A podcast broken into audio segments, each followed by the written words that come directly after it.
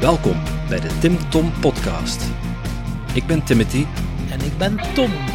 Samen zijn wij jouw GPS naar geluk en succes.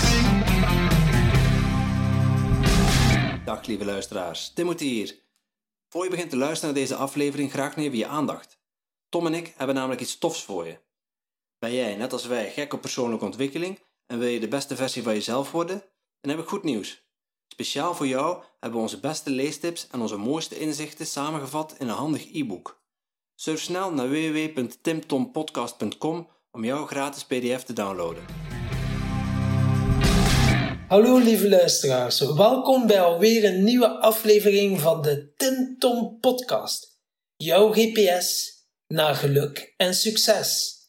In route 27 hebben we Johan Dazeleer te gast. Johan is industrieel ingenieur, arbeidsanalist en wijdt zijn leven reeds meer dan 15 jaar lang aan werkvereenvoudiging en de creatie van extra tijd. Eerst bij Colruyt, nu als trainer in time management. Zijn klanten noemen hem kortweg Mr. Simplicity. Hij voert een praktisch pleidooi voor het efficiënt omspringen met je tijd. Gewapend met eigen voorbeelden en een koffer vol grote en kleinere tips, leert hij zijn publiek hoe effectief extra tijd te maken voor hun passies, voor wat ze zelf willen doen.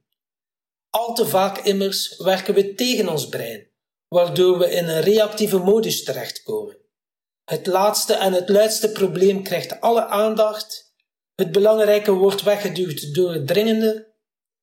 Maar in deze podcast leer je hoe je dit kunt herkennen en vooral ook hoe te breken met deze trend. Veel luisterplezier in deze gestructureerde en chaotische podcast. Dag Johan, welkom bij onze podcast. Timothy, dank u om mij te hebben. Ja, dat is graag gedaan. We zitten uh, een keer in een iets andere setting. Deze, uh, dit interview gaat via digitale weg. We nemen op via Zoom. Uh, we gaan eens kijken wat dat geeft. Elk in ons kot. Dynamiek. Elk in ons eigen kot. Voilà. Ja. Zoals, zoals de maatregelen ons voorschrijven. Ja.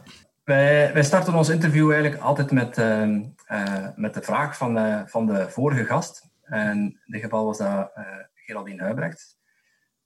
zij is social media expert. Mm -hmm. En zij vroeg zich af, Johan, wat maakt jou gelukkig? Ja, ik, ehm, ik ben de laatste jaren heel hard ontwijfelen of dat ik wil gelukkig zijn. Okay. Um, omdat dat zo'n containerbegrip is, maar um, het gaat mij eerder over van hoe kan ik nu zorgen dat ik content ben.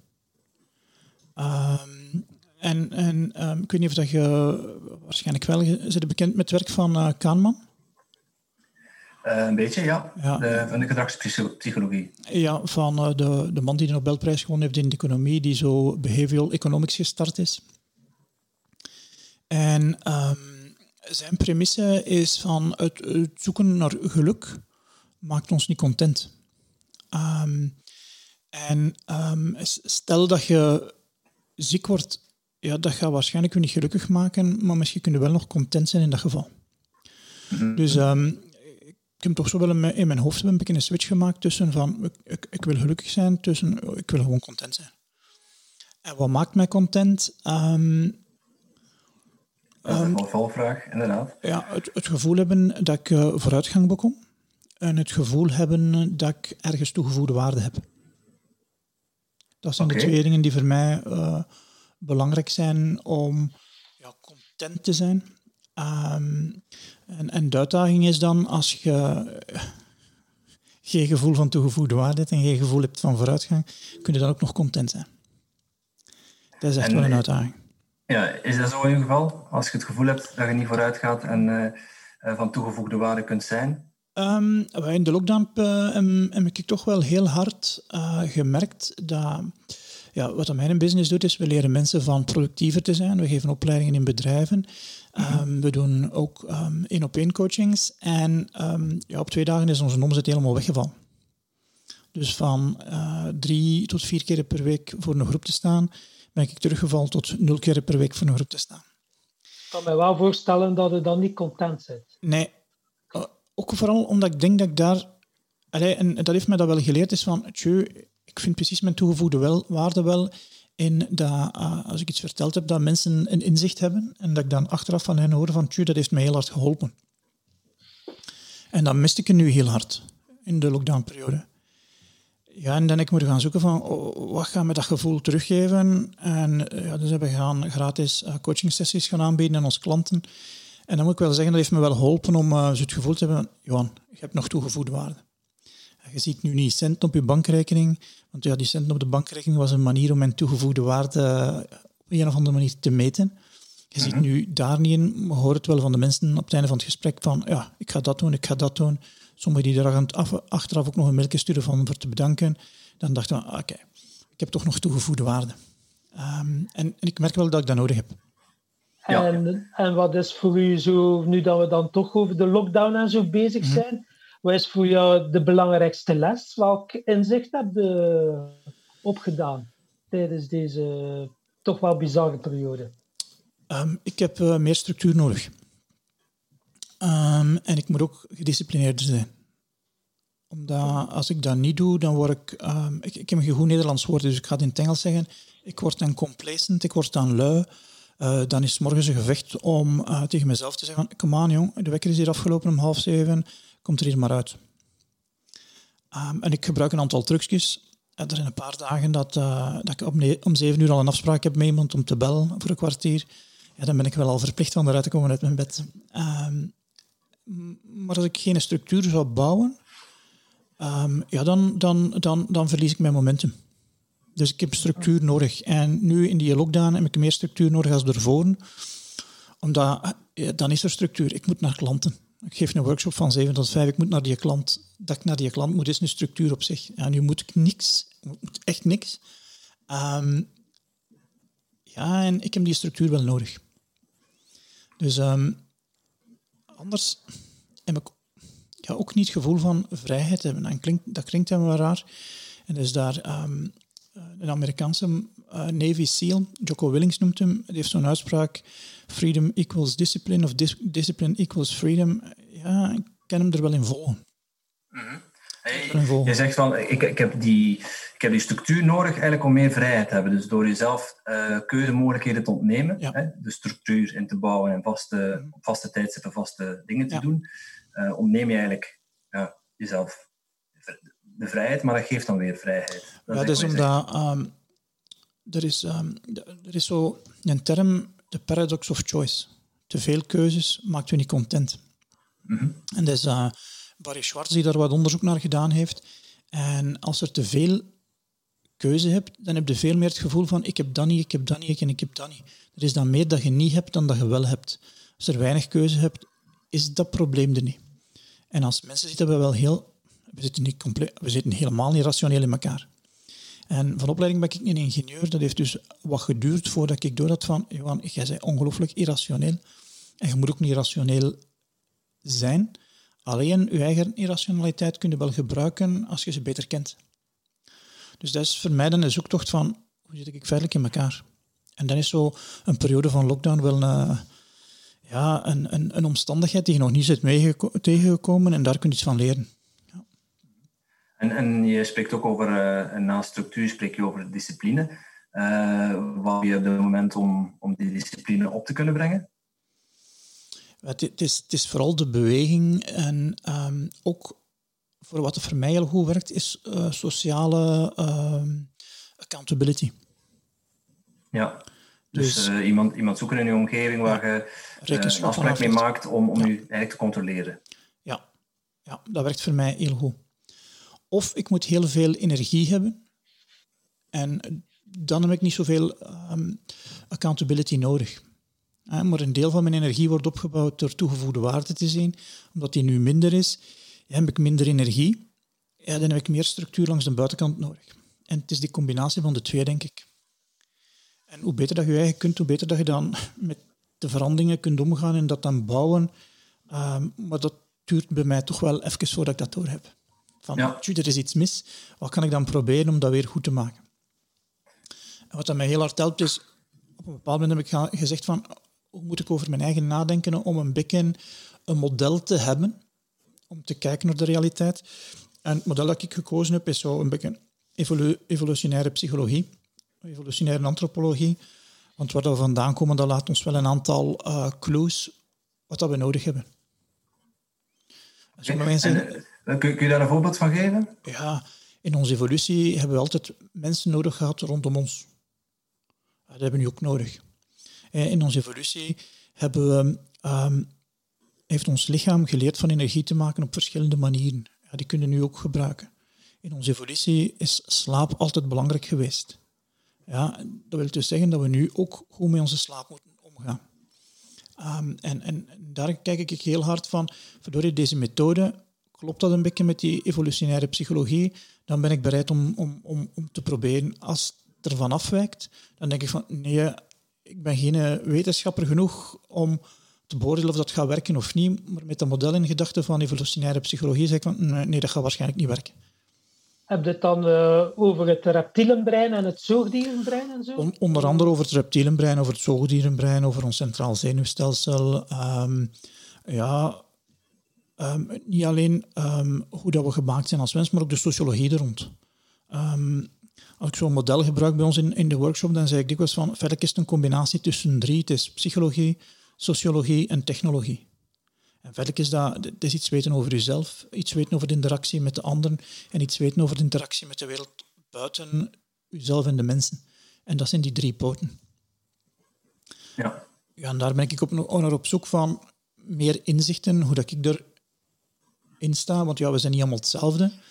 Maar hoe dat, hoe dat, dat bij mij zit, want als ik mijn eigen beter ken, dan kan ik het ook beter inzetten. Ja, klopt. En uzelf beter leren kennen, dat is eigenlijk onderdeel van persoonlijke ontwikkeling. Uh, een van de, de pijlers van onze, van onze podcast ook. Um, kun je onze luisteraars eens toelichten wat, dat je, wat voor, wat voor ja, traject dat je al doorlopen hebt? Kun je ons eens meenemen naar de, de kleine Johan en hoe die geworden is tot wat hij nu is? Ja, um, ik heb vorig jaar Abraham gezien. Dat uh, vertelt iets over mijn leeftijd. Um, en van opleiding ben ik een ingenieur. Um, industrieel ingenieur. En dan na mijn legersdienst heb ik um, gestart met werken bij uh, eerst een klein bedrijfje, zes maand, uh, bij Wilco Products. Um, die doen uh, sierpleisters. Langs de buitenkant van de, de, gevel wordt er zoiets opgezet. En dat mocht ik verkopen. Dat was mijn eerste ervaring. En ik was daar niet zo goed in ik was toen ook niet matuur genoeg, denk ik, om mensen te overtuigen die twintig jaar later, ouder waren dan ik, dat ze producten moesten kopen um, waar ze veel meer van wisten dan ik. Een harde sales eigenlijk. Ja, dat was harde sales en um, ik denk niet dat dat mijn natuur is. Um, en dan ben ik gestart bij werken bij Colruyt als werkvereenvoudiger, processen optimaliseren. Uh, ben ik twee jaar gerand geweest voor Colruyt in een winkel. in Overijs ben ik gerand geweest. En dan ben ik leidinggevende geworden van de werkvereenvoudigers, van mijn vroegere collega's. En dat heb ik een jaar of acht gedaan en dan ben ik verantwoordelijk geworden voor de afdeling opleiding en vorming bij Colruyt. En het ene was, uh, werkvereenvoudiging was heel analytisch, maar ook wel, ja, je moet mensen het laten implementeren. Maar toch was dat, als ik naar HR ging, nog een andere kant. Um, ja, een meer fluffy kant, een meer... Um, ja, een andere kant. Dus dat was zachter. Wel, uh, ja, niet zozeer zachter, maar anders gewoon. En um, qua groeiopleidingen, dan moet je bij, als je bij Colruyt werkt helemaal niet klaar. Er zijn um, een hele hoop trajecten die je kunt volgen om jezelf beter te leren kennen. En ik heb er een hele hoop opleidingen gevolgd, um, gaande van MBT, yoga, uh, persoonlijke groeitrainingen, allerlei trainingen die worden aangeboden die je er kunt doen om ja, jezelf beter te leren kennen. Um, en dat wordt er ook zo genoemd, Velk, de trainingen dienen ervoor om dat, je, beschrijven die als een soort berg. En als de zon schijnt, wat gebeurt er met een berg? Dat heeft een schaduwkant. Hoe groter dat een berg is, hoe groter dat de schaduwkant is. Wat je de, met de opleidingen doet, is feitelijk de zon wat verzetten, zodanig dat je die schaduwkant beter leert kennen. Niet zozeer om die um, goede eigenschappen weg te doen. Nee, om degenen die ernaast zitten, die er ook gewoon uit volgen, beter te leren kennen en je ook uh, een stukje tegen te beschermen. En ja, dat gaat allemaal over je, je eigen beter leren kennen. Ja, zelfreflectie. Ja, onder andere, ja, ja inderdaad. Ja. En uh, hoe heb je dan de, de, stap gemaakt tussen ja, van, vanuit de, de code uit Mhm. richting, richting je eigen bedrijf? Want je hebt je eigen onderneming opgericht. Ja, um, zo 2002 denk ik dat was, um, zat ik voor de zoveelste keer verzopen in het werk. En um, ik, ik, ik, ik, ik, lees heel graag. Ik heb al een paar boeken genoemd, ik lees heel graag. En ik was op een boek gestoten van uh, David Allen, uh, de man die Getting mm. Things Done geschreven heeft. En dat was een boek, in het Nederlands was dat vertaald door Doe Het Nu. Wat een compleet slechte vertaling is van dat boek. Uh, ik begin dat te lezen, ik zie daar toch iets in. En ik begin dat ook wat toe te passen, dat gaat niet zo goed. Um, ik vraag om een baas toestemming om daar naartoe te gaan. Een beetje um, eerst een leugen. Want ja, ik dacht, ik verkocht hem dat als, dat is werkvereenvoudiging voor kenniswerk. Uh, omdat ik dan niet in de picture moest staan. Ik was op was ik een beetje beschaamd dat ik mijn controle kwijt was. -hmm. Schaamte is nooit, is nooit een goed teken. Omdat als je beschaamd bent, dan, uh, dan gaat iets wegstoppen. En zijn ook niet bereid om er iets aan te doen.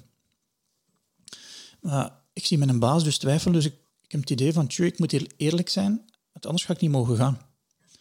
En die zegt dan nadat ik dat zo een, een boezeming gedaan heb van, ja, tjoe, ik ben controle kwijt van, sorry, want het was al verkocht voordat je dat gezegd hebt, maar ik heb dat helemaal niet gezien bij u dat jij controle kwijt bent. Oké. Okay. Wat nogthans zo was. En dan ben ik uh, met twee collega's uh, naar een workshop gegaan van David Allen dat begint te implementeren. En ik was zo enthousiast dat ik voor mijn eigen mensen een opleiding in elkaar gestoken had rond Getting Things Done. En uh, twee dagen na die opleiding krijg ik een telefoon van iemand buiten de firma dat, hem, um, dat zijn vrouw bij mij de workshop had gevolgd en dat hem dat wou in zijn bedrijf. Ik denk, ja, natuurlijk wil ik dat doen. Ik ben hier een beetje zot momenteel van, van Getting Things Done. Natuurlijk wil ik dat doen. Dus ik nam met een baas van, oké, okay, mag ik dat doen? Wat gaan we ervoor vragen? En die zegt, nee, we gaan dat niet doen. Dat zit niet in onze core business, we gaan dat niet doen. Ik denk, maar, maar ik, ik wil dat wel doen. Waarschijnlijk had hem dan bij mij wel gezien dat ik enthousiast was. En dan heeft hij mij bij de uh, HR-directeur gestuurd. En die zei, ja, zorg dat je ergens iets hebt, dat je het kunt doen en dat je kunt factureren. En de eerste keer heb ik dat gefactureerd via een, een collega uh, uit een buitenwereld, een collega, collega-opleider. En dan zes maanden later heb ik dat aan hem gefactureerd omdat ja, het, het, het, het uh, juridisch vehikel dat ik moest hebben nog niet klaar was. Ja, ik had nog geen btw-nummer. Ik had nog geen btw-nummer. Ik wist ook nog niet wat ga ik nu doen. Ga ik um, um, um, zelfstandig in bijberoep zijn of wat ga ik doen? En dan heb ik beslist van ik ga een BVBA maken. omdat ik moest daar geen geld uit hebben. Ik, ik was ook niet de bedoeling van bij Colruyt weg te gaan. Ik had heel de bedoeling van een paar keer wat workshops te geven en dan dat geld dat er ging komen te gebruiken om ja, opleidingen te doen die niet mogelijk waren bij Colruyt. Ja. Dat was de bedoeling. Ik moest er geen geld uit hebben en dat was de eenvoudigste manier en de beste manier gewoon een BFBA maken waar dat geld kon blijven inzitten. Dat ging het minst kosten. En um, ja, ik heb dat dan een aantal jaren gedaan, een jaar of drie denk ik, drie, drie vier. En dan op een bepaald moment heb ik toch gedacht van, ja, ik ga er toch op mijn eigen benen staan. Dus ik hoorde u praten over getting things done. Mm -hmm. Veel, hey, sommige luisteraars zullen precies weten over wat dat gaat, mm -hmm. getting things done. Maar kan je een keer uitleggen voor onze luisteraars wat dat, dat inhoudt? Ik ja. weet, het is alles uit je hoofd halen en dan uh, verzamelen en er uh, ja, ja. iets aan... Verder wat, uh, wat ik uit Getting Things Done geleerd heb, is van um, inderdaad niks in je hoofd steken, omdat je wilt hier en nu zijn. En als je dan begint te denken van ik moet dat nog doen, ik moet dat nog doen, en ik moet dat nog doen, dan ga je jezelf afleiden. Um, Getting Things Done maakt goede lijsten. Het is een methodiek. Het is een methodiek, het is geen een tool, maar een methodiek om lijsten te maken. En onze methode is daar schatplichtig aan.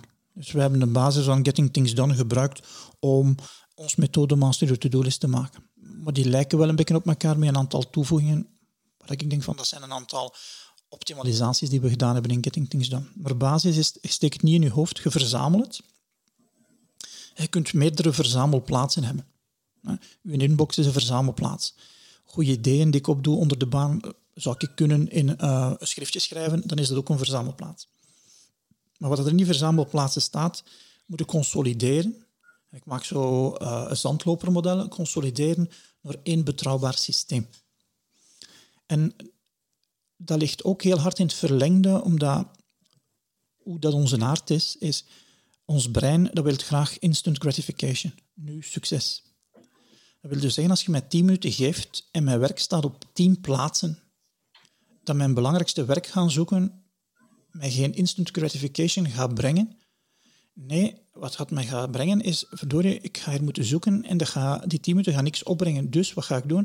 Ik ga iets anders doen om mij in die 10 minuten instant gratification te geven.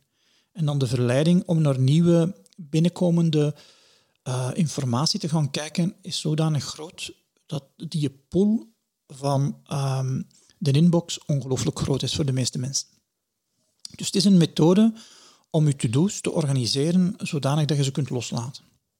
Ja, ik, zoals, dit is een van mijn lievelingsquotes van David Allen. Your mind is for having ideas, not for holding ja. them. Ja. ja. Ik, ik zeg, verder is het niet anders maken als uw eigen Linda. En wat is Linda? Linda was de persoonlijke assistente van mijn laatste baas. En wat deed Linda? Die gaf aan Tony morgens zijn agenda. En zei hem van, kijk, dat is wat je vandaag moet doen. Dat zijn de mensen die je moet bellen, die beslissingen moeten maken. Die gaf hem de triggers voor zijn acties. Hij kon dat nog altijd negeren, maar het was toch in zijn beste interest om dat toch te volgen, omdat Linda dat wel goed organiseerde. Linda was zijn betrouwbaar systeem. Ja. En verder, zo, als je geen Linda hebt, dan moet je zelf in maken.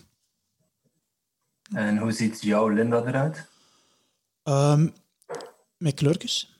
Um, ik gebruik de taakmanager van Outlook om mijn lijstjes te maken. Zo mhm. ziet mijn Linda eruit. En dat is, um, daar is een wijd bij ons concept gemaakt van de Russische popjes.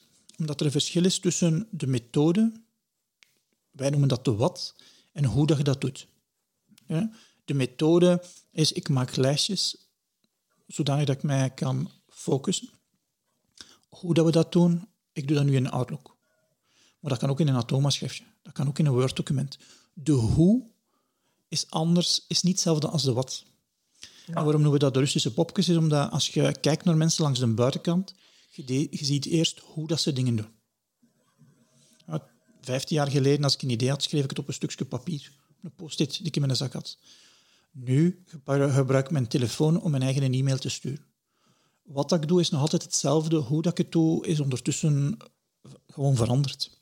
Ja, geëvolueerd ook. Ja, en waarom dat ik dat dan doe, is ook nog hetzelfde, want ik wil een leeg hoofd hebben. Is dat dan ook uh, die app dat je gebruikt, Braintos? Dat je dan... Uh, ja, ik gebruik Cap Captio, maar dat is uh, soortgelijk. Ja. Ah, ja. ja. ja. En we hebben als je een methode hebt, um, kun je het ook gaan een stukje automatiseren. En dat gaat misschien heel raar klinken, maar als ik naar mezelf iets stuurt met een bepaald codewoord, ga Outlook dan via regels onmiddellijk in het juiste lijstje steken. Als ik uh, een idee bedenk en ik zeg van, dat is niet meer voor deze week, ik doe die Captio open, ik typ daarin 1W dubbel punt, dan zal ik op het microfoontje drukken, zal ik dicteren wat ik, uh, het idee dat ik bedacht heb, ik zal op send drukken en dan is dat georganiseerd. Eén, het zit niet in mijn hoofd, maar het zit al in de juiste lijst. Dat is makkelijk, hè? Dus ik heb ook heel weinig weerstand om, als ik een idee heb, ook soms een dwaas idee, om dat te verzamelen in die lijst te schieten. Ja, dat kan wel waardevol zijn, want ja, uiteindelijk, uh, als je een, een goed idee hebt of een, of een dwaas idee, kan dat later misschien nog van pas komen. Maar als je niet direct registreert of opschrijft, dan verplicht het weer. En ja, je hersenen zijn niet gemaakt om, om, dat, om dat allemaal bij te houden. Ja, en, en tanden is ook gevaarlijk. Want als je het op dat moment echt wel een goed idee vindt en je hebt geen goed systeem, dan begin eraan. Ja, ja actiegerichte mensen zouden dan direct mee aan de slag kunnen gaan. Ja, omdat anders zit het kwijt, dat idee. Je wilt het niet kwijt, maar je hebt geen goed systeem, dan moet je eraan beginnen. Met als gevolg dat misschien binnen twee weken dat je er een hele hoop acties aan gedaan hebt en dat je dan realiseert van, nee, het was toch dat niet. Maar als je het op een, op een lijst gooit, ik noem dat dan een incubatielijst. David Allen noemt dat dan later misschien, ik noem dat een incubatielijst. Nog niet gestart. Niet prioritair deze week. Het zijn allemaal benamingen voor hetzelfde. De namen van de lijstjes, ik lig daar niet meer wakker van. Ik ben er ook niet meer fundamentalistisch in. Ik zeg, het moet bij u resoneren. Als het bij u niet resoneert, ga je het ook niet gebruiken. Maar als het op die lijst staat en de volgende week zie ik dat opnieuw, dikwijls dat ik denk van, wat had ik gedacht op het moment dat ik aan bedenken, was dit helemaal geen goed idee. Delete. Maar als je op dat moment... Luisteraars... Ah ja, sorry. Nee, nee. Maar als je op dat moment zo verliefd bent op dat idee, bij mij is het grote gevaar dat ik dat ga doen. Dat is zo'n... Ik vergelijk dat, ik wil zeggen, goede lijstjes maken is hetzelfde als een goed boodschappenlijstje maken. gaan winkelen naar de koolruit, naar de koolruit met honger en geen boodschappenlijstje, dat zorgt ervoor dat er veel meer in je kar ligt dat je nodig hebt. Dat je soms niet mee hebt wat je echt nodig hebt. Maar dat is hetzelfde als je werk doen zonder een goed lijstje. Juist hetzelfde. Je hebt meer dingen gedaan dan niet nodig waren en je hebt niet gedaan wat dat nodig was. En dat is niet anders. Ja. Ik kan me nu wel uh, voorstellen dat sommige luisteraars denken, ja, ik ben nogal chaotisch, ik heb geen lijstjes. Hoe begint het daarmee? Dus voor onze uh, luisteraars heb je dus een concrete tip dat je zegt van, uh, begin simpel, maar wat is simpel beginnen? Wat dat voor mij simpel beginnen is, is ik, ik, ik, uh, het is wat moeilijk om te zeggen van waar dat je moet beginnen. Omdat ik beschouw dat als een proces. En voor mij zijn er vier grote stappen in. En de eerste stap is dat verzamelen. De tweede stap is van wat ik verzameld heb organiseren. De derde stap is mijn aandacht leiden. Dat wil dus zeggen, ik moet regelmatig naar die lijstjes kijken. En de vierde stap is dat ik moet doen. En afhankelijk waar dat een bottleneck nu zit, daar moet je beginnen. En waarom vertel ik dat? Is omdat ik daar zelf in die val getrapt ben om dat verzamelen eerst te verbeteren. Wat gebeurt er dan? Na twee weken zie ik van, shit man, ik heb veel meer werk dan dat ik dacht, maar ik krijg niet de belangrijkste dingen gedaan. Dat betekent dat op dat moment, ik lever inspanningen om iets te verbeteren, maar ik zie geen resultaat. Wat dat met mijn goesting doet, die gaat zo naar beneden. En ze, maar, ah, dat, dat, dat helpt er niet, ik krijg er precies nog meer werk bij, dat helpt er niet. En dan heb ik geluk gehad dat ik met een collega naar de vertelling gegaan was en dat Guido toen tegen mij zegt van, Johan, je gaat nu toch niet stoppen. Probeer dit een keer. En de Guido zei tegen mij van, je moet iets proberen, dat noemt de wachten op. Alles wat ik op het wachten ben, staat op een apart lijstje. Zei, ik heb daar ongelooflijk veel baat bij gehad die twee weken. Mij heeft dat geholpen. Ik maak dat. Dat lijstje wachten op nog niet to-do-lijsten, alleen maar een lijstje wachten op. En wat merkte ik? Door dat te doen, waren een aantal zaken die ik gevraagd had aan mensen, kwamen terug naar boven, dat ik op het einde van die twee weken dacht van, shit, als ik dat lijstje niet had, was ik vergeten dat ik dit gevraagd had. En dan merkte ik van, hey, dit helpt mij. Ja, maar ik, wat ik dan moeten doen heb, is fase 2 verbeteren in plaats van fase 1. Mhm. Dus het is, het is, echt afhankelijk waar je grootste mhm. bottleneck zit. Maar wat ik nu merk, door de mensen te coachen en workshops te geven, is dat meestal niet zit bij één. Maar dat is wel het gemakkelijkst op te lossen. Maar dat de grote bottleneck bij de meeste mensen zit, dat ze slechte lijstjes maken. Ja, het moet op het juiste lijstje terechtkomen, zodat je het op het juiste moment ook onder ogen kunt zien natuurlijk. Ja. Een van de fundamentele fouten is dat de meeste mensen maken verschillende lijstjes door elkaar op verschillende plaatsen. Ja. Ik maak verschillende lijstjes op één plaats.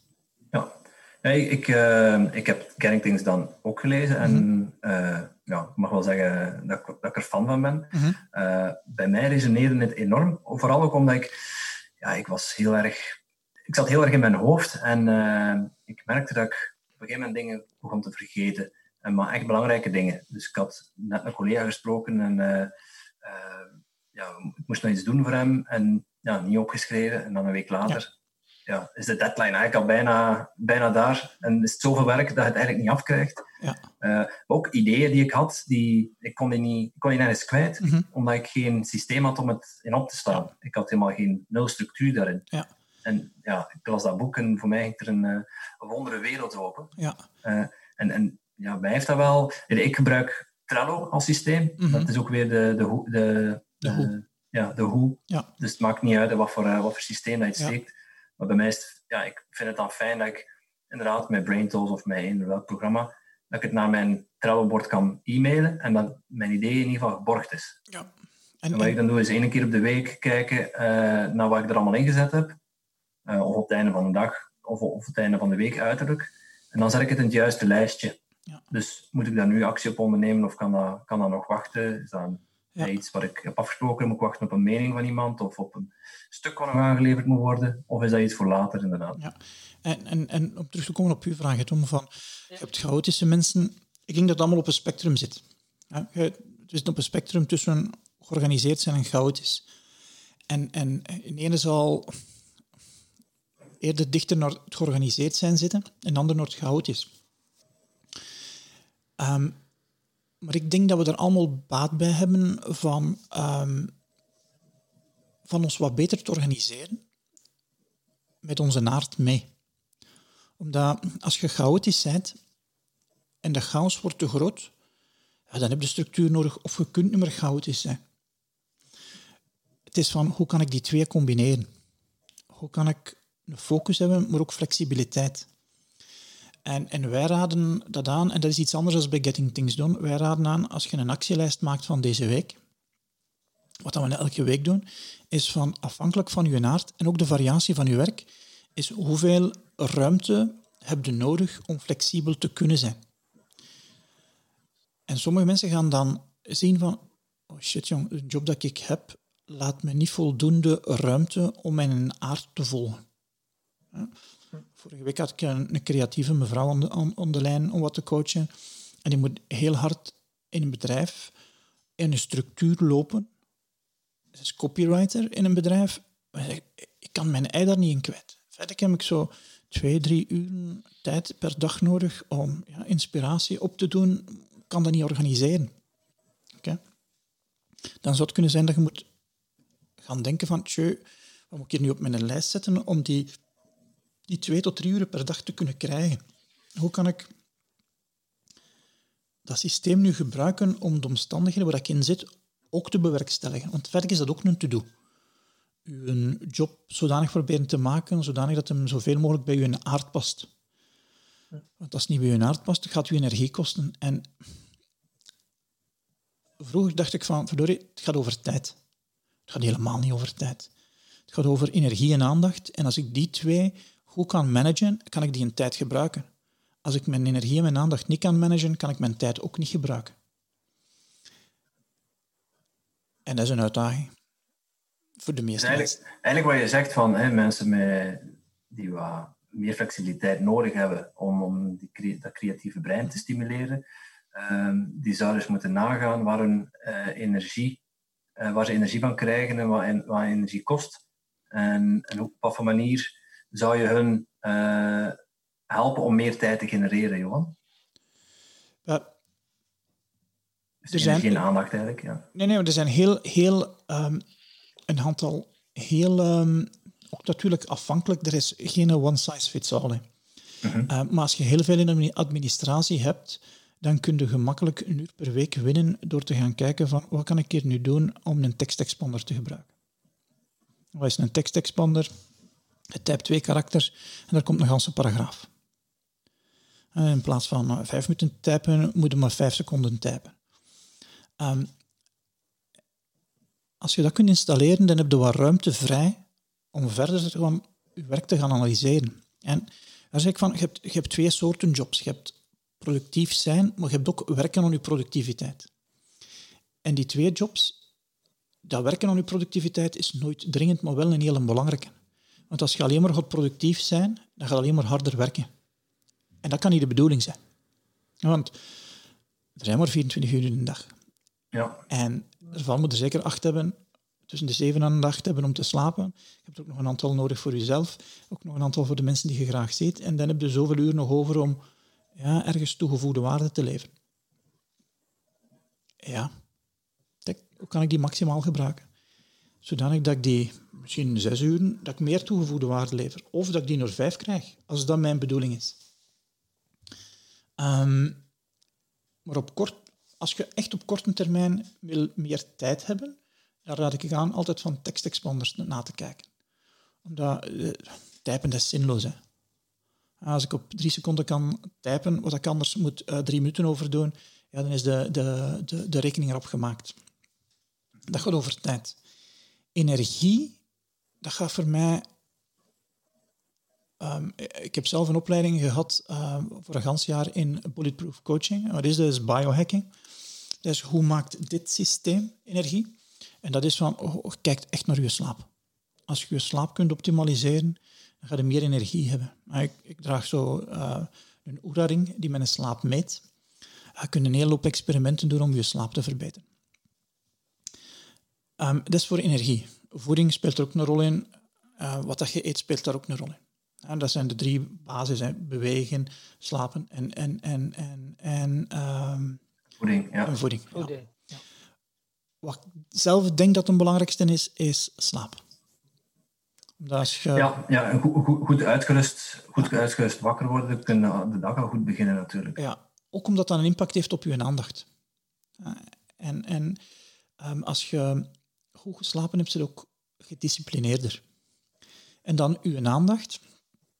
Dat heeft heel hard te maken met, door heb ik een goed lijstje om mijn aandacht kunnen op te richten.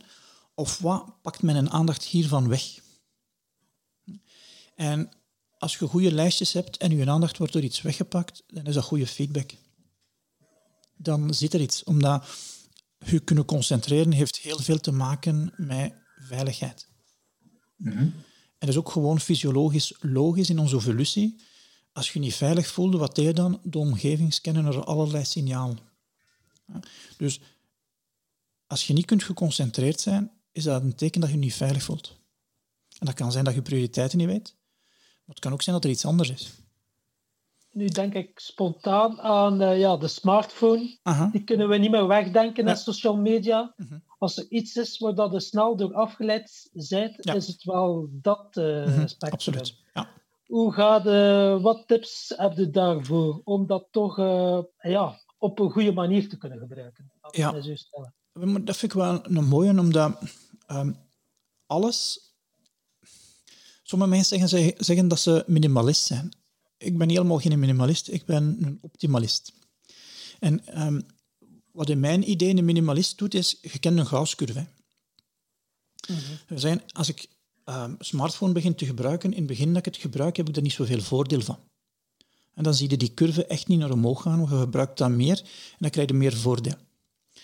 Op een bepaald moment, als je het nog meer gebruikt, dan zit je op een top. Hoe meer dat je dan gebruikt, hoe minder dat je voordeel wordt. Als je dan nog verder gaat, gaat het terug onder nul en dan heb je er nadeel bij. Dat is meestal het moment dat mensen zeggen van oeh, het werkt niet meer. Ik begin echt nadeel te ondervinden. Nu, dat heeft ook een heel groot voordeel. En um, wat, dat je, wat het liefst zouden hebben, is dat je maximaal voordeel hebt en minimaal nadeel. Maar dat wil dus zeggen dat je in fase 2, ik zal u um, uh, een schemaatje sturen, staat ook op mijn Instagram, een schemaatje sturen, hoe dat ik die fase zie, dat het best is van in die fase 2 te blijven. Hoe kun je dat doen? Je kunt dat alleen maar weten als je in fase 3 geraakt bent, dat dat ver aan het gaan is. Ja? Dan ga ik er tegenaan gebotst um, wat betreft sociale media en technologie in het algemeen, geloof ik heel hard in, um, er zit een proces onder. Ja? Wat hebben die sociologen, die ICT'ers ontdekt, dat onze aandacht gemakkelijk te halen is. Dus ze gaan ons met van alles pushen. Als we gepusht worden, dan willen we dat onze aandacht geven om te weten of dat we veilig zijn of niet. Dus daar is gaan kijken van welke triggers doen mijn bepaald gedrag doen. En als ik dat gedrag daar doe, wat heb ik daaraan? En dat wordt heel goed beschreven, vind ik, in een boek Hooked van Nir Nayal. Hij heeft zo'n model van um, trigger, actie en dan reward.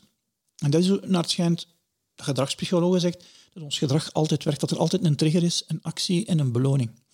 Ja. En wat ik doe, is, als ik het door heb, is ik maak het gedrag dat ik wil stimuleren, ga ik makkelijk maken. Gedrag dat ik niet wil hebben, ga ik moeilijk maken. Zodanig dat ik kans heb om mezelf te betrappen van, ik, wat zijn er nu weer aan het doen? Was dat wat dat je? Dan is het oké. Als het niet is wat dat je wou, eh, dan gaan we het loslaten. Ik zeg bijvoorbeeld, ik zou graag hebben dat ik tegen een auto kan zeggen, ik mag maar twee keer per dag mijn e-mails doen. En dat niet zou mogelijk zijn om nieuw een e-mail te zien in Outlook heb ik een filter gemaakt die ik moet op- en afzetten, zodanig dat ik nieuwe e-mail zie. Als ik nieuwe e-mail zie, kost het mij meer moeite dan bij de meeste mensen. Maar ik zou bijvoorbeeld heel graag hebben dat ik er kan in programmeren dat ik die filter maar twee keer per dag mag afzetten. Mm Dat dan mij helemaal geen moeite meer... Het kan niet. Um, als je op je pc heel veel last hebt van bijvoorbeeld, je wilt in de voormiddag wat schrijfwerk doen, maar je merkt dat je, als je aan schrijfwerk doen bent, dat je gemakkelijk uh, in Google of in YouTube geraakt, omdat je dingen wilt opzoeken tijdens het schrijven en dat je dan een uur verliest. Kijk of dat er niks is van software die je kan helpen om dat niet op dat moment te doen. Ja. En er is software. Ja. Of, of door je gewoon je wifi uit te zetten. De stekker eruit te trekken. Dat zou kunnen, ja. Dus niet gewoon op je, op je laptop, maar de stekker uit, uit het modem. Zodat als je er terug in moet steken, dat effectief een paar minuten duurt voordat het opgestart is. Ja, en dat is allemaal een verschillende hoe om dezelfde wat. Ja. Dus je toont zo, ja, ik doe dat op die manier, jij doet dat op die manier. Ja, dat zijn twee verschillende hoes en degene die bij u het be- best past, daar ben ik voorstander van. Ja. En je, eh, je omschreef net hè, de, de trigger eh, en uw reactie daarop. En dan de beloning die je krijgt. Bij, bij social media is dat natuurlijk, ja, je hoort dat pingetje, ping. En je, je hersenen zijn al direct afgeleid. Ehm, en ja, krijg je dan weer een dopamine shot van, eh, van dat rode, rode bolken op je scherm. Als je dat kunt aanvinken, eh, dan word je weer helemaal blij. Tenminste, Ja. in je hoofd dan. Ehm, dan zit je eigenlijk aan belonen voor je eigen slecht gedrag. Want ja, je wilt, aan de ene kant wilde dat veranderen, aan de andere kant wilde dat, wilde dat verminderen. Ehm, heb, je, heb, je daar zelf, eh, heb je daar zelf ook last van? En, en hoe, hoe, zou je dat aanpakken? Hoe zou je dat... Wel, wat ik doe, is ik ga ervoor zorgen dat alle push wordt uitgeschakeld. En je telefoon geen meldingen meer geeft. ja, geen meldingen meer geeft, maar ook dat... Als je mijn telefoon zou zien, dan zou je zeggen, dat zit wel raar in elkaar. Omdat ik heb heel veel schermen waar dan maar drie icoontjes op staan, eh, vier icoontjes op staan. Omdat ik heel veel moet scrollen. En ehm, wat ik bijvoorbeeld ervoor gehad heb, is dat ik wil een song wijzigen op Spotify. En naast die song staat mijn WhatsApp. En dat rood bolken op die WhatsApp staat daar. Ik wil die song wijzigen, maar in plaats van in Spotify te zitten, zit ik in WhatsApp. Dat was dus helemaal niet mijn intentie. Hè. De keer dat ik dat door had, zei ik, maar wacht, ik weet niet wat er gebeurd is. Ik ga mijn WhatsApp ver wegzetten van mijn Spotify. Zodanig dat als ik nog naar Spotify ga, dat de kans er niet is dat ik getriggerd word. Ja, Dat een trigger zo ver mogelijk wegstaat. Ehm, en als je dan wel gaat, dan is het niet omdat er een trigger was, maar omdat je op dat moment sociale validatie nodig had, omdat je verstrooiing nodig had. En dat is wel een goed signaal. Dan kan u iets vertellen wat dat je dan op dat moment echt nodig hebt. En kunnen gaan kijken van hoe kan ik dat op een andere manier bekomen dan door in die sociale media te zitten. Ja. ja, ik vind het wel een praktische tip. Inderdaad, je hebt verschillende schermpjes op je, eh, op je telefoon, op je smartphone. Zet je apps die je, ja, waardoor je niet direct afgeleid wil worden als je je telefoon pakt, zet die op een andere aparte pagina. Ja. En, Ehm, voor, voor de e-mail, zeg maar, ik, ik had daar zelf ook heel veel last van. En wat ik merkte is eh, de, de focus die je, die je nodig hebt om bijvoorbeeld een, een stuk te schrijven om creatief te zijn. ehm, in combinatie met je e-mail is het dus dodelijk. Ook met je telefoon. Als je ook maar even afgeleid bent door een pinkske, of al is het maar dat, dat envelopje wat van onder eh, eh, op je eh, Outlook-schermpje komt te staan, dat leidt mij al af van hetgeen waar ik mee bezig was. Ik kan het dan toch niet laten om naar te kijken. En ik moet eigenlijk terug... Shit, ik zat midden in een zin, het was een goede zin, hoe was het ook alweer? En dat proces dat kost zoveel tijd, dat je daar eigenlijk heel veel tijd laat liggen. ja, klopt. Dus als we het hebben over tijd genereren, dan... Ja, ik, ik, heb, eh, ik heb dat eerlijk gezegd op mijn werk. Dus ik heb moeite met mijn e-mail. Eh, ik ga mijn e-mail checken om, eh, om 11 uur en smiddags om 3 uur. En wellicht tussendoor ook nog een keer of twee, drie. Maar tussendoor zet ik die af. Dus ik, ik schakel gewoon heel Outlook uit, zodat ik daar ook niet door afgeleid kan worden. Ik heb alle meldingen uitstaan, maar zelfs het opstarten eh, moet ik manueel nog doen. Ja. En ik dacht, oei, oei, oei, gaan ze dat wel pikken op mijn werk? Eh, want ze, ze verwachten dat ik ja, in- direct antwoord op mails. En soms wordt er zelfs bijna gechat op mails, via mail. Maar ja, wonder boven wonder vonden ze dat een heel goed idee. En heb ik daar weinig tot geen weerstand van gekregen om dat te gaan doen. En eh, ja, stimuleerde ze dat eigenlijk. Ja. En dat, dat verraste mij wel. Want in, in het begin dacht ik van, goh, hoe ja, belemmerende gedachten. Hè? Dus van, ze gaan dat nooit goed vinden. Ja. Ze willen dat ik altijd bereikbaar ben. Maar het tegendeel. Ja, de weerstand zit meestal in ons hoofd. Hè. Ja, ja dat wil ik en, eigenlijk en, zeggen. en wij noemen dat. ehm, dus om, om iets te veranderen heb je drie zaken nodig. Dat is ofwel kennis, ofwel motivatie en toestemming. Dat zijn de drie zaken. En ergens zitten we met een bottleneck. Dus ofwel hebben we een, een, soms hebben we ook meerdere bottlenecks, hè, maar ergens is er een belangrijkste bottleneck. Dus ofwel heb je te weinig kennis, oftewel te weinig motivatie, oftewel te weinig toestemming. En wat dat wij dan aanraden is, van hoe geeft u zelf nu toestemming om iets te doen? En doe een experiment.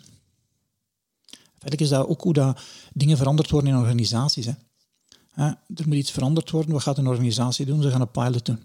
Ze gaan een testprogramma opzetten. Ze gaan het um, tijdelijk eens anders doen. Op persoonlijk doe ik dat ook. En dan oké, laat me drie weken een experiment doen om te kijken of dit gaat werken. Um, en um, ik noem mezelf nu ook een experiment, omdat ik een hele hoop experimenten doe. En soms wel hele gekke experimenten. Uh, soms ook experimenten waar mijn vrouw niet helemaal mee akkoord is. Dus... Weer een of ander inspirerende boek gelezen? Uh... ja, als je gaat slapen en je plakt je mond dicht om te slapen, ik kan u verzekeren ah, dat mijn vrouw daar helemaal niet mee akkoord was in het begin. Ja, ik dacht, misschien uit de 50 Tinten Grijs gelezen. En ja, die heb ik ook gelezen. Een van de serie heb ik gelezen. Om, ik heb zo'n bepaalde periode aan mensen gevraagd van, wat is een beste boek die je gelezen had? Uh, die periode had ik dat beter niet aan de dames gevraagd. Op een bepaald moment had ik twintig dames die zeiden, die moeten lezen. Ik dacht, ja, nu moet ik dat ook doen. De, reeks, uh, de, de, tweede van de reeks heb ik nooit meer gelezen. Uh, nu dat over boeken bezig bent. Ik heb ook gezien dat je ook een boek geschreven hebt, To Do. Nee, dat is nooit uitgekomen. Ja. Oké. Ja, We ah. hadden een contract met Lano. Mijn uitgever is dan weggegaan. En dat is nooit uitgekomen. Nu zijn we dat aan het herwerken en um, gaan het waarschijnlijk uitbrengen in een andere uh, vorm bij een andere uitgever. Ja. Ah ja. En nu dat we toch over boeken uh, mm -hmm. bezig zijn, wat, wat, is uw top drie van boeken die u het meest geïnspireerd hebben? Naast Characters dan, hè, want die hebben we al besproken. Ja, ja. ja um, Misschien kan ik um, beter auteurs zeggen. Um, Ryan Holiday staat in mijn top 3. Um, ehm, en Ryan, ik vind dat, dat hij een heel goed schrijft, maar die heeft zo het stoïcisme terug toegankelijk gemaakt. Uh, hij heeft zo'n drieluik geschreven: Ego is the enemy, The obstacle is the way en Stillness is the key. En dat drieluik vind ik een fantastisch drieluik om in deze omstandigheden Um, en ik bedoel dan niet de lockdown, maar in deze omstandigheden van um, technologie, van veranderingen, ja, groter persoonlijk leiderschap te tonen. Dat is er één van. Dan ben ik heel hard geïnspireerd door de, de boeken van Yuval Nahari. Uh, Homo Deus Sapiens vind ik uh, geweldig. en dan uh, zou ik zeggen... ik zou twijfelen tussen ofwel de boeken van Tim Ferriss, oftewel de boeken van Dave Esper. Maar als ik dan toch moet kiezen, zou ik voor Tim kiezen, omdat ik Tim uh, sympathieker vind. Ja, dat is een van mij. Uiteraard. Ja. um, doe je dan op de, de 4-Hour Workweek? Die is, uh, of de serie van. Hè, ja, de, zijn de minste vond ik de, de 4-Hour Chef. Dat vond ik de minste. Maar de andere, de 4-Hour Workweek, de 4-Hour Body, uh, Tribe of Mentors, um, en dan schiet er me nog één of, of ik hele goede boeken. Ja. Ja, ja, ja kan er ook even niet op komen. Maar, ja. Tribe of ja. En, maakt, nu, nu niet uit. Ja. Nee, nee, zeker. Um, jij, in het begin van het interview sprak je over uh, dat, je dat er bij jou op dit moment structuur ontbreekt en discipline. Aan de andere kant ben je ja, expert in persoonlijke effectiviteit. Uh, je noemt jezelf experiment. Dus ik ben wel benieuwd uh, wat voor experiment zie je nu voor je ja, om, om met de uitdagingen waar je nu mee, mee omgaat, om daarmee aan de slag te gaan? Ik, ik, ik doe een hele loop experimenten um, constant.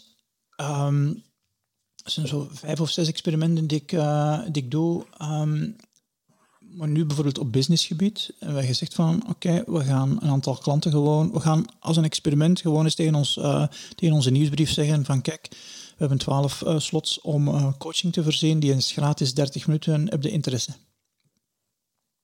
En dus iets testen en dan kijken of er interesse opkomt. En dan, nu weten we, er is interesse. Er is zelfs interesse om gecoacht te worden op zaterdag of op zondag.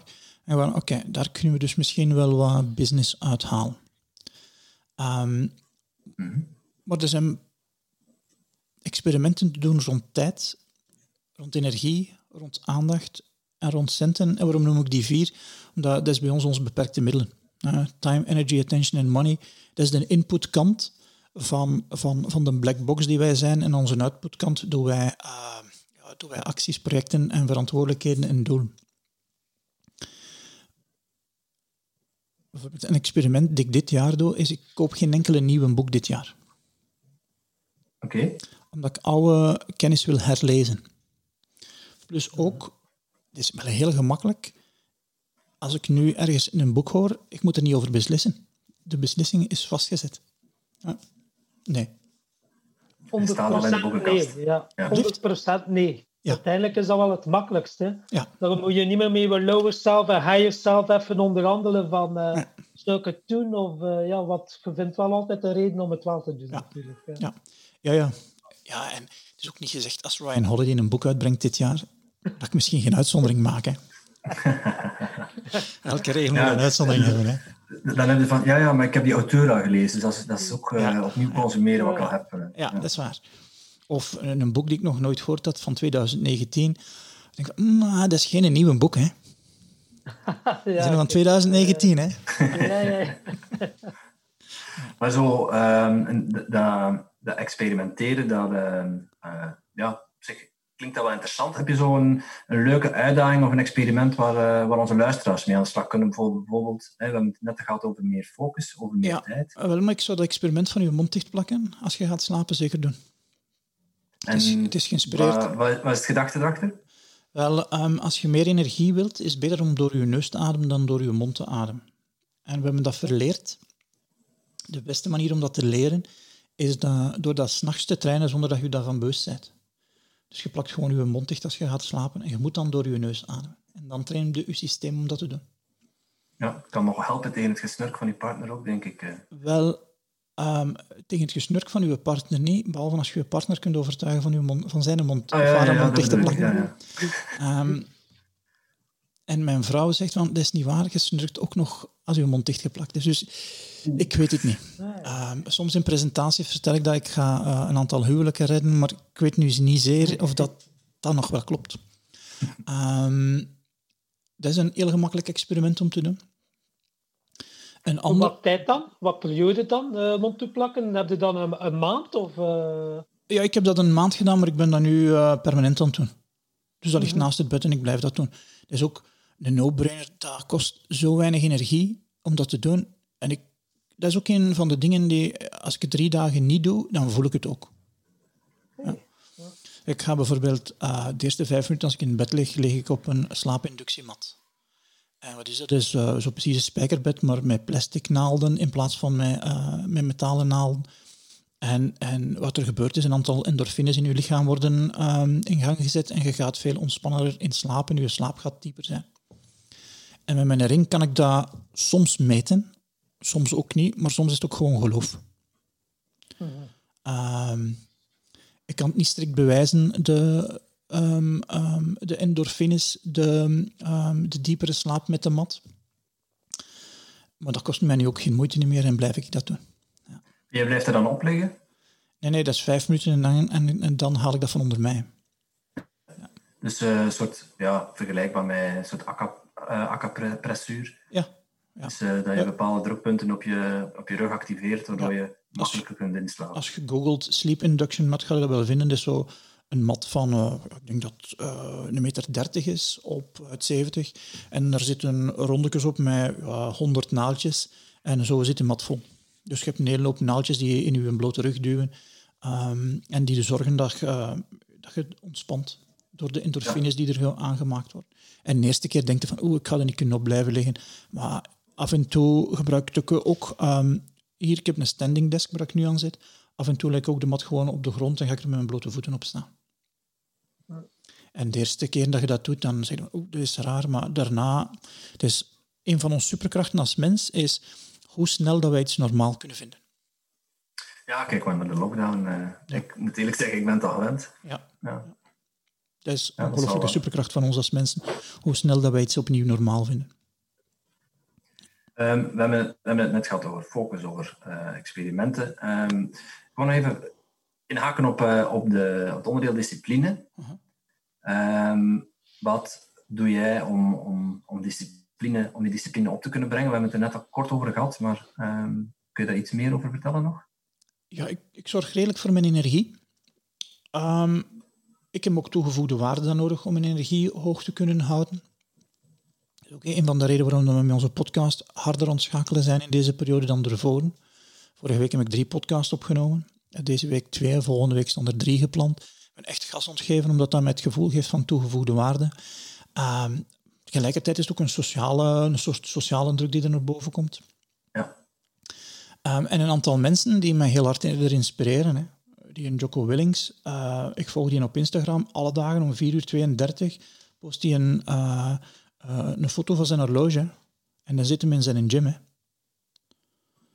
Wow. 4 uur 32. 4, s morgens, hè? Dat is gewoon s'nachts opstaan dan eigenlijk. Nee, voor hem is dat de morgen, hè. Alle dagen ja, hij is waarschijnlijk een privé, een privé gym, dus hij zal daar niet naartoe moeten. Ah, Ja, ja, maar ja, je, hebt, je hebt niet veel nodig om, om, om kunnen uh, wat, uh, wat krachttraining te doen. Hè. Het enige dat je nodig hebt is een kettlebell. Hè. Ja, zeker. Of je, of je eigen lichaamsgewicht. Of eigen lichaamsgewicht, ja. Het zijn allemaal excuses, uh, Timothy. Als je vroeg wilt opstaan, kun je vroeg opstaan. Hè? Uh, ja, dan moet je vroeg naar je bed ook waarschijnlijk. Ja, ja. maar daar durf ik Zeven uur geslapen. Ja. Dat durf ik over twijfelen, omdat we ook wel bioritmes hebben. En um, sommige mensen zeggen, van, maar ik ben, ik ben een avondmens, ik ben een nachtuil. Mm -hmm. Ik denk dat die mensen ook wel gelijk hebben. Maar dat het wel goed is om te weten hoe dat je in elkaar zit, zodanig dat je je leven ook naar kunt bouwen hoe dat je in elkaar zit. Ja. Um, en een hele goede boek daarover is The Power of When, van uh, slaapdokter Michael Bruce, die um, ook een questionnaire heeft waarmee dat je kunt scoren van wat ben ik nu feitelijk, als je het nog niet zou weten. Wat dat wel een hele handige in die boek was, is dat daar ook, um, als je als koppel erin zit, het zou wel kunnen dat uw, uw partner een ander bioritme heeft. En dan Ja, verschillende fasen op elkaar afstemmen. Dat is wel goed om te weten van, hey, dat is de reden waarom dat wij uh, nooit kunnen ruzie maken. Omdat op het moment dat ik energie heb om ruzie te maken, uh, heeft mijn partner geen en, ver, en wordt het vermeden. Of om, en omgekeerd. Dat was Ja. wel heel inzichtelijk hoe dat, hoe dat, dat kon. Ik wil wel je- zeggen, qua bioritme, Mhm. bij mij is dat wel eh, veranderd. Mhm. Vroeger was ik eh, vooral een nachtmens, maar dan na, misschien dat je het boek ook wel kent, The Miracle Morning van Hal Elrod, eh, Ja. een uur vroeger opstaan. En van sinds dat ik dat gedaan heb, voel ik me echt wel veel energieker 's morgens. En Mhm. ik ben dat wel blijven doen. Dus Ja. eh, bij mij is dat wel volledig geswitcht. Ja, Ja, bij mij is dan weer andersom. Want ik heb dit boek ook gelezen en ik ben, eh, als ik een boek lees, dan wil ik hem ook toepassen. Dus ik ben dan echt gaan experimenteren. Een beetje een experiment. Of experiment. En bij mij was het andersom. Ik, eh, ik heb het volgehouden en ik merkte dat, dat ik daardoor een uur extra had. S morgens, hè, dat ik echt veel dingen gedaan kreeg. Maar aan de andere kant, ja, ik ben s'avonds productiever en wakkerder. Ik, eh, ik moet ook niet om, eh, om, half, om acht uur of om, om negen uur aan, aan mijn computer gaan zitten om, om dingen te gaan schrijven, want dat komt niet. Ja. Maar dat komt wel na vijf uur, Mhm. bijvoorbeeld. Ja. Dus bij mij, ja, dat ritme ligt heel anders. Ja, ik heb dan weer een partner die echt een ochtendmens is. eh, die ervan houdt om heel vroeg op te staan. En Ja. nou ja, dat houden van is misschien ook relatief. Maar in ieder geval op tijd wil gaan slapen, dus daardoor ook op tijd wakker is. Ja. Dus dat is wel eh, een zoektocht. Ja, dat vraagt ook wel wat discipline natuurlijk. Ja. Maar ja, die, je moet dan weten wat, wat dat je op bepaalde momenten van de dag gaat doen misschien. Ja. Dat is, eh, waar ga je je aandacht aan geven. Ja, discipline, ik omschrijf dat als eh, energie, fysieke en mentale energie. En, en in mijn hoofd, dat heeft waarschijnlijk te maken met mijn opvoeding, discipline is zo precies een, een vat dat je gekregen hebt of niet gekregen hebt. Door te denken in termen van energie, zijn er dingen die ik kan doen om energie te maken. Mhm. En, en door op die manier er voor mij over na te denken, misschien is dat voor iemand anders anders, hè, heb ik meer pak op mijn energie, waardoor dat ik gedisciplineerder ben. Ehm, en dat is waar, waarschijnlijk waarom dat, ehm, eh, Jocko Willing zegt, discipline equals freedom, omdat als je discipline hebt, die stelt zich geen vragen meer, ga ik vroeg opstaan. Hè? Die staat gewoon op. Hè? Ja. Die stelt zich geen vragen, ga ik er trainen. Hè? Die traint gewoon, die, dat is geen vraagstelling niet meer. Ik hoorde een mooie over discipline die zei van eigenlijk is discipline niks anders dan eh, de korte termijn ondergeschikt maken aan de lange termijn. Ja. Ja. Ja, maar het moet wel resoneren met u als mens natuurlijk. Eh, dus, dus ja, ik ben van mening dat je alles kunt aanleren en dat je aan alles gewend geraakt. Mhm. Ehm, maar ja, ik heb het geprobeerd. Ik heb de discipline opgebracht om vroeg op te staan, maar het heeft mij niet gebracht wat ik wilde dat het mij zou brengen. Dan moet je ook eerlijk zijn naar jezelf, van ja, dan past het misschien niet helemaal bij u. Dan moet je daar een andere modus in vinden. Ja, en, en, en ergens, alles heeft een prijs. Hm. Ehm, voor de energie is het niet goed van af en toe frietjes te eten. Maar het is wel lekker en wel gezellig. Hè? Ja, dat is waar. En dan, en zijn en ja. dan zijn ze bereid om die prijs te betalen. Hè.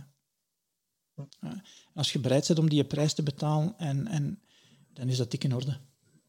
Van, van mij moet niemand georganiseerd zijn. Maar als je bereid bent om de prijs te betalen van ongeorganiseerd te zijn, dik in orde. Dan ben je content. Ja, en als je content bent, Dat zijn is het belangrijkste. Ja. Ehm, ik ben wel nog benieuwd van, hè, je hebt eh, net omschreven wat voor jou eh, geluk betekent, namelijk content zijn. Ehm, wat betekent voor jou eh, succesvol zijn, succes? Ehm,